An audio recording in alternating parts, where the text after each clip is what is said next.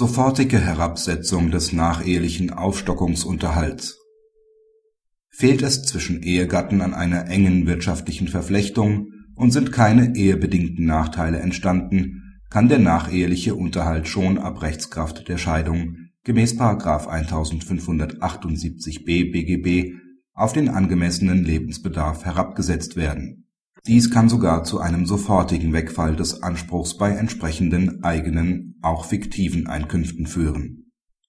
Die Eheleute haben bis zur Trennung im Jahr 2008 weniger als vier Jahre zusammengelebt, der Scheidungsantrag wird nach weniger als fünf Jahren Ehezeit rechtshängig.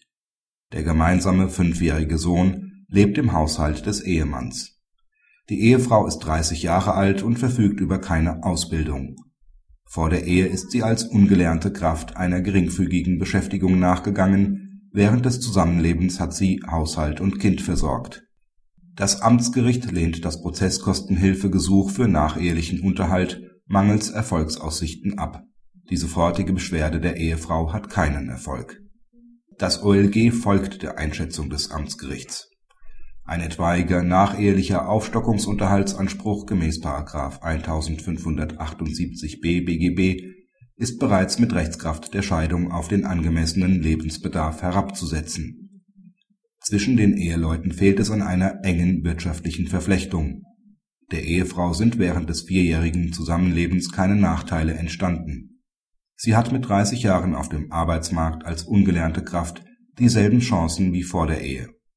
Eine Übergangsfrist für einen Unterhaltsanspruch auf der Basis des Einkommens des Ehemanns steht ihr nicht zu, zumal dieser sowohl den Betreuungs als auch den Barunterhalt des gemeinsamen Sohnes deckt. Als ungelernte Kraft könnte sie im Monat 900 bis 1000 Euro verdienen. Dies ist das Maß ihres Unterhaltsanspruchs.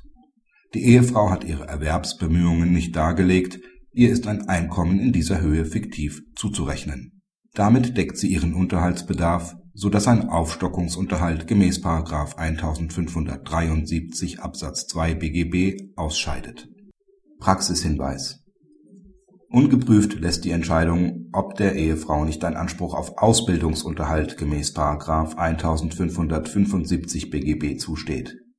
Erforderlich wäre hierfür entsprechender Sachvortrag, etwa dass sie in Erwartung der Ehe oder während der Ehe eine Schul oder Berufsausbildung nicht aufgenommen oder abgebrochen hat.